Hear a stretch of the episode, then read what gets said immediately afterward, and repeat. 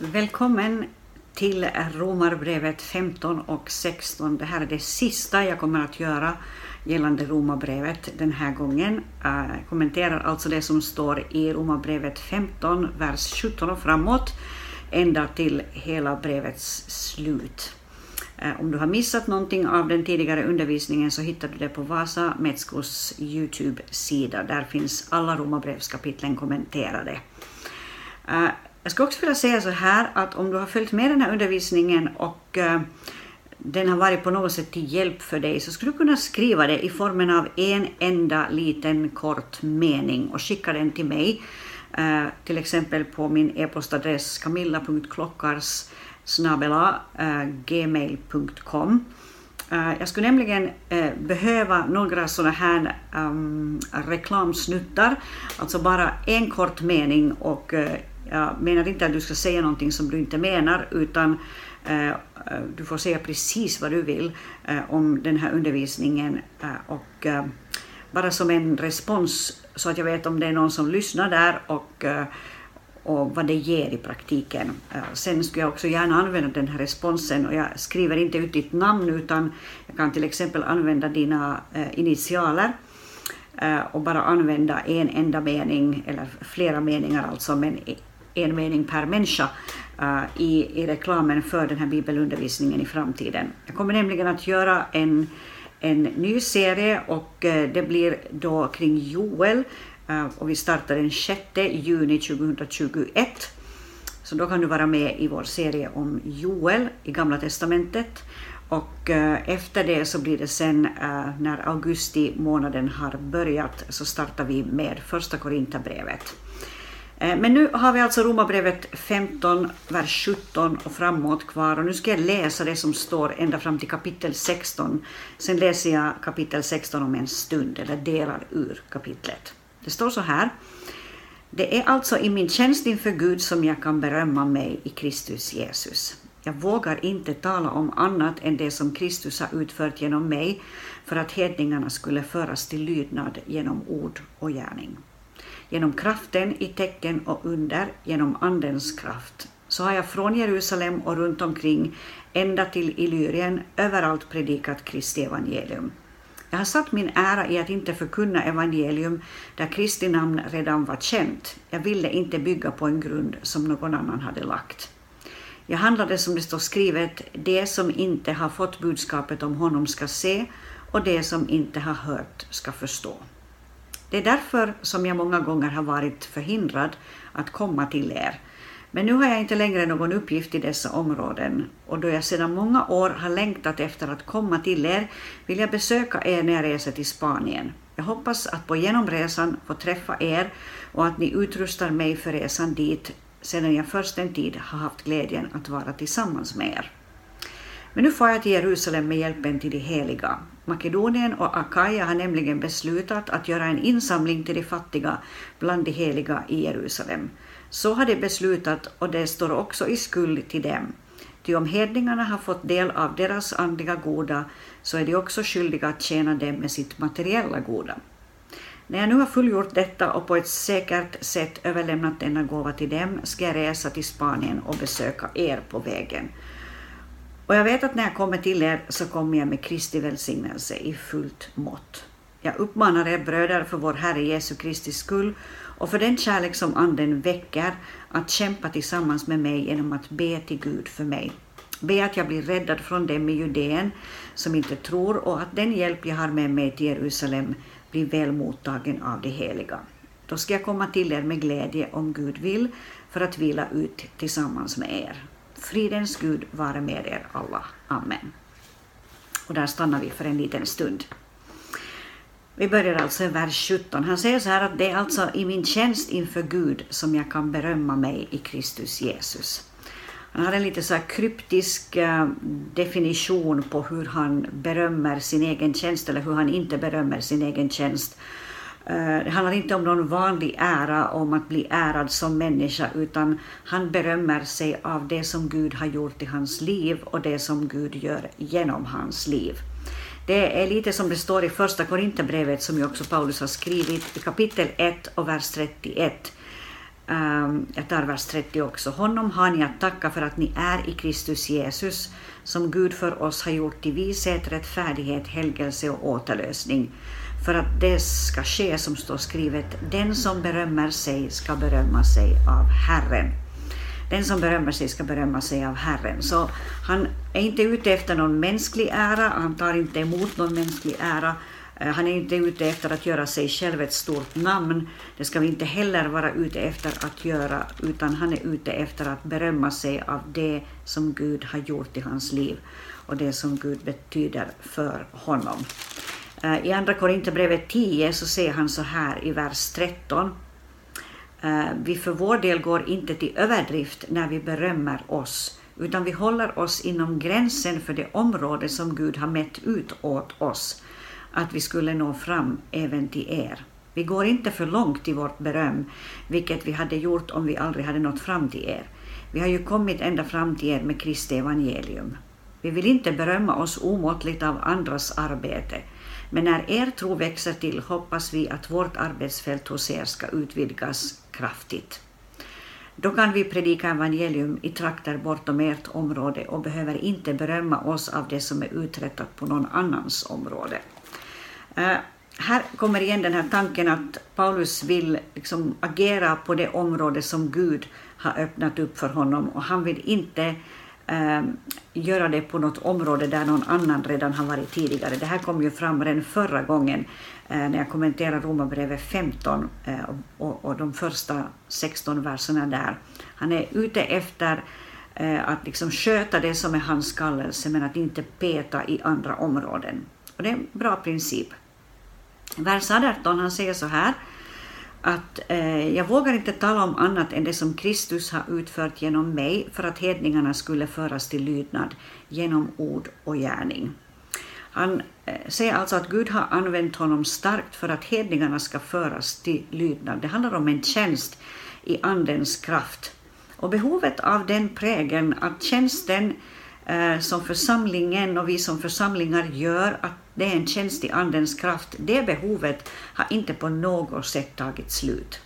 Jag tänker att vi nog på många sätt eh, har fått en ny början nu i och med coronan och vad den innebär eh, i människors liv och all den, kanske all den nöd som finns också i människors liv. Jag tror att det nu är mera möjligt än någonsin tidigare att, att få utrymme i människors hjärtan, också hos sådana som inte alls har varit eh, aktiva troende tidigare. Och där är vi kallade att komma med budskapet om Jesus, inte bara i formen av ord, men också i form av kraft och erfarenhet av Guds kraft. Eh, och Paulus säger ju, jag kommer att komma tillbaka till det här i höst när vi kommenterar första Korinthierbrevet 4, men jag ska bara ge ett litet smakprov på det, att han säger så här, eh, han, han kommenterar människor som kritiserar hans undervisning, Eh, och han säger så här i Första Korinthierbrevet 4, vers 19 och 20. Men jag kommer snart till er om Herren vill och då får jag veta hur det ligger till. Inte med orden utan med kraften hos dessa uppblåsta människor. Ty Guds rike består inte i ord utan i kraft. Så han är noga med att definiera att Guds rike handlar inte bara om undervisning och tal och ord, det här som vi nu sysslar med här, utan Guds rike handlar också om detta att en människa får smaka av Guds kraft och uppleva Guds kraft i sitt liv. Och det säger också Paulus här i Romarbrevet 15, vers 18. Jag vågar inte tala om annat än det som Kristus har utfört genom mig, alltså gjort genom mig, för att hedningarna skulle föras till lydnad genom ord och gärning. Och han fortsätter, genom kraften i tecken och under, genom Andens kraft, så har jag från Jerusalem och runt omkring ända till Illyrien överallt predikat Kristi evangelium. Så han har predikat evangeliet och Gud har besvarat eller Gud har bekräftat hans undervisning eh, genom att göra kraftgärningar genom Paulus. Eh, och eh, då kommer det här ordet som jag redan citerade här i början. Jag har satt min ära i att inte förkunna evangelium där Kristi namn redan var känt. Jag ville inte bygga på en grund som någon annan hade lagt. Ja, han vill alltså inte bygga där någon annan har satt en grund. Eh, vi kunde säga att han är en typisk apostel också. Han vill att nya ska få ta del av evangeliet. Eh, och eh, han, han går liksom på den bana som Gud har stakat ut för honom. Och nu är han färdig med den östra rikshalvan och nu ser han mot den västra. Och Bo Gertz har en intressant kommentar kring det här. Nu ska jag sträcka mig efter den boken. Ursäkta. Eh, det står så här, nämligen, eh, uh, Bo säger just om det här att eh, det kan tyckas underligt att Paulus menar sig vara färdig när han vet att det bara är ett tunt pärlband av församlingar som har spänts längs de vägar där han dragit fram.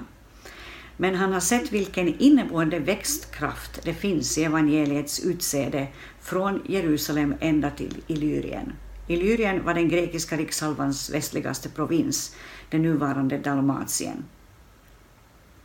Så eh, uh, Bulgars poängterade här att det finns uh, en växtkraft i evangeliet och evangeliet fungerar per eh, definition så att när en människa på riktigt har fått drabbas av evangeliet så går det vidare till nästa och till nästa därför att man kan inte vara tyst om det som har hänt i ens liv. Problemet, Eh, och det är nog säkert Bo Gertz också medveten om även om han inte kommenterar det, eh, problemet är ju att, att när vi inte har sådana här fräscha erfarenheter av evangeliets kraft. Alltså när, när vi runt omkring oss har människor som har varit troende i 20, 30, 40, 50 år, vilket ju är fantastiskt i, i, i, i och för sig, men, men när vi inte liksom själva har sett kraften i evangeliet, vi har inte sett vår granne ännu komma till tro, eller, eller vi har inte vågat oss ut på det här att, att dela evangeliet med andra människor, eller med nya människor, och därför inte heller sett någon komma till tro, då får vi liksom den där bilden kanske lätt av att det handlar inte så mycket om kraft, utan det handlar mest om ord. Men, eh, men det är viktigt att vi bevarar liksom hjärtat fräscht och övertygelsen fräsch och eh, att vi är medvetna om det här att idag så vill Gud beröra människor i Vasa, i Åbo, i våra städer i det här landet och beyond med evangeliet och dess kraft. Och, och, när det sker så finns det liksom en sån här inneboende spridningsmekanism i det som Bogart säger. När en människa har fått uppleva det så går det vidare också till nästa. All right. Eh, så nu eh, säger då mm, Paulus, eller han, han fortsätter att beskriva sina resplaner. Han siktar på Spanien och på vägen dit så vill han besöka Rom. Eh, han säger så här i vers 23. Nu har jag inte längre någon uppgift i dessa områden eh, och då jag sedan många år har längtat efter att komma till er i Rom alltså, så vill jag besöka er när jag reser till Spanien. Jag hoppas att på genomresan få träffa er och att ni utrustar mig för resan dit. Alltså de, han hoppas att de ska ge honom en reskassa så att han kommer vidare till nästa stad. För sitt uppehälle eh, så kan han själv sörja genom sitt tältmakeri, men för resorna så behöver han församlingarnas hjälp. Och tydligen räknades det som en plikt att församlingarna skulle sörja för resorna.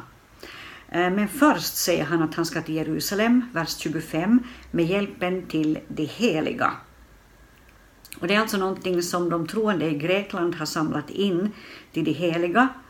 Eh, och eh, han, han säger så här att Makedonien och Akaja har nämligen beslutat att göra en insamling till de fattiga bland de heliga i Jerusalem. Så har de beslutat och de står också i skuld till dem. Ty om hedningarna har fått del av deras andliga goda, alltså om hedningarna har fått komma till tro på Jesus, eh, fått bli en del av Guds utvalda folk, så är det också, alltså så judarna också skyldiga att tjäna dem med sitt materiella goda. Ja, eh, så Ehm, det är liksom hans resplaner och han, han säger just därför att han är på resa eh, så, så börjar han därför be om, om förbön och om, om, om förbönshjälp för den här resan. Och han säger så här i vers 31, be att jag blir räddad från dem i Judeen som inte tror och att den hjälp jag har med mig till Jerusalem blir väl mottagen av de heliga. Det vill säga att den här gåvan som han har med sig, att den får stärka bandet mellan eh, de judekristna och de hedna kristna. Eh, och resor på den här tiden innebar ju stora risker på många olika sätt och därför ber han om förbön. Så han räknar helt konkret med bönens kraft i detta, eh, i detta resande och behovet av förbön i det här resandet. Eh, han hade ju tidigare råkat ut för en del anslag eh, genom, genom hans eget folk, judarna, så han vet att det kan vara tufft att resa och därför behöver han hjälp. Men han säger att jag ska komma till er med glädje om Gud vill för att vila ut tillsammans med er. Och så säger han fridens Gud eh, ska vara med er alla. Jag tycker att det är intressant att han formulerade så fridens Gud ska vara med er alla.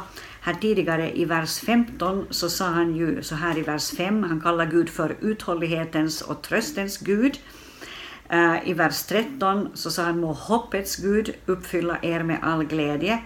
Och så fortsätter han då här i vers 33, fridens Gud vara med er alla. Så han ger liksom sådana här namn åt Gud eh, utifrån de välsignelser som han räknar med att eh, människor ska uppleva genom Gud och som han själv har upplevt.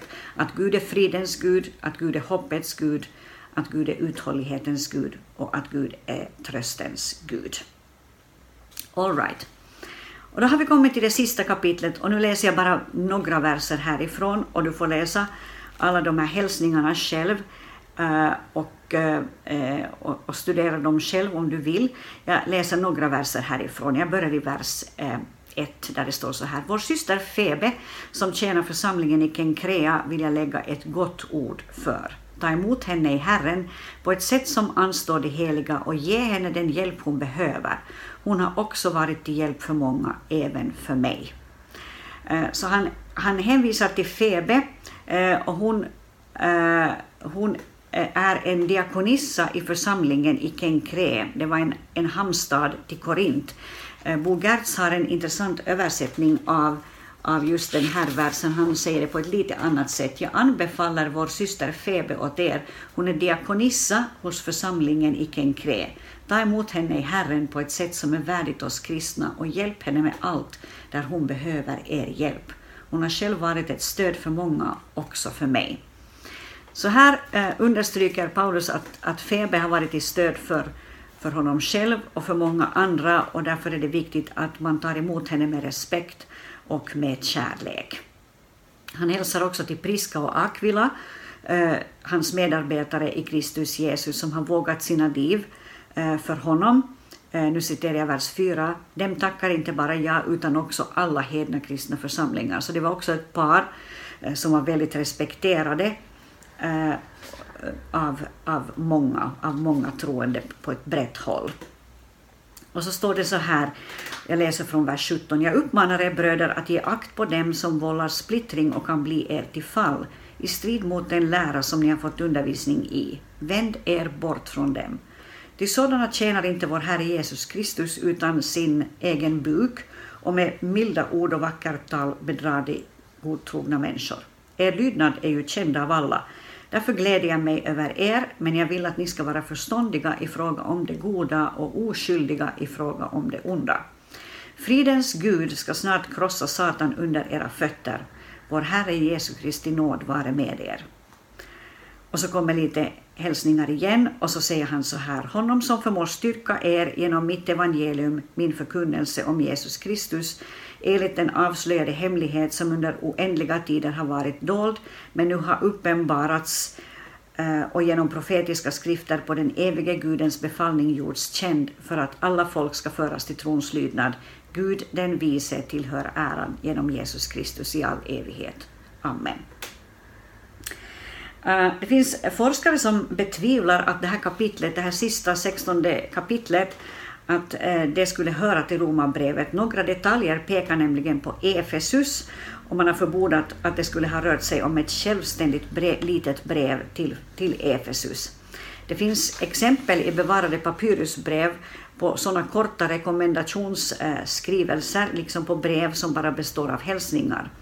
Men det blir svårt att förklara hur ett brev till Efesus skulle ha fogats samman med det här brevet som skulle till Rom. Eh, och istället säger eh, Bogert Bo så här om, om det här brevet. Han säger, eh, och jag ska citera det. Ehm, det finns, eller förlåt, jag ska ta, jag tar det från början. Emellertid har andra forskare bestämt hållit på att detta kapitel hör till det ursprungliga romabrevet. Det finns starka skäl att anta det. I brev till sina egna församlingar hälsar Paulus annars aldrig till enskilda personer. Men när han skrev till Rom hade han all anledning att göra det. Det gällde ju en stad där han aldrig varit. Han hade skäl att påminna om alla sina bekantskaper där. Och att Paulus skulle ha känt så många människor i Rom är ingenting att undra över. Folk reste flitigt och de kristna sökte upp varandra var de än kom. Så, så långt eh, Bogerts om, om det här sista kapitlet här.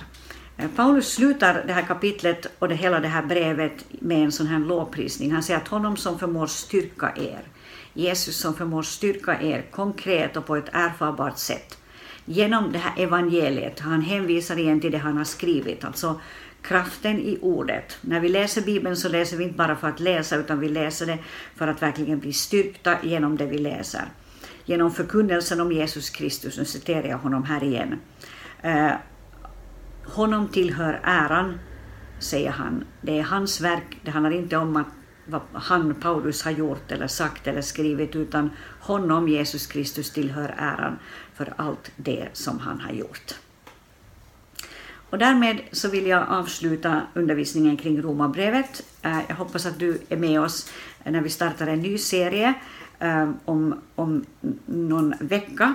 Tills dess, var välsignad.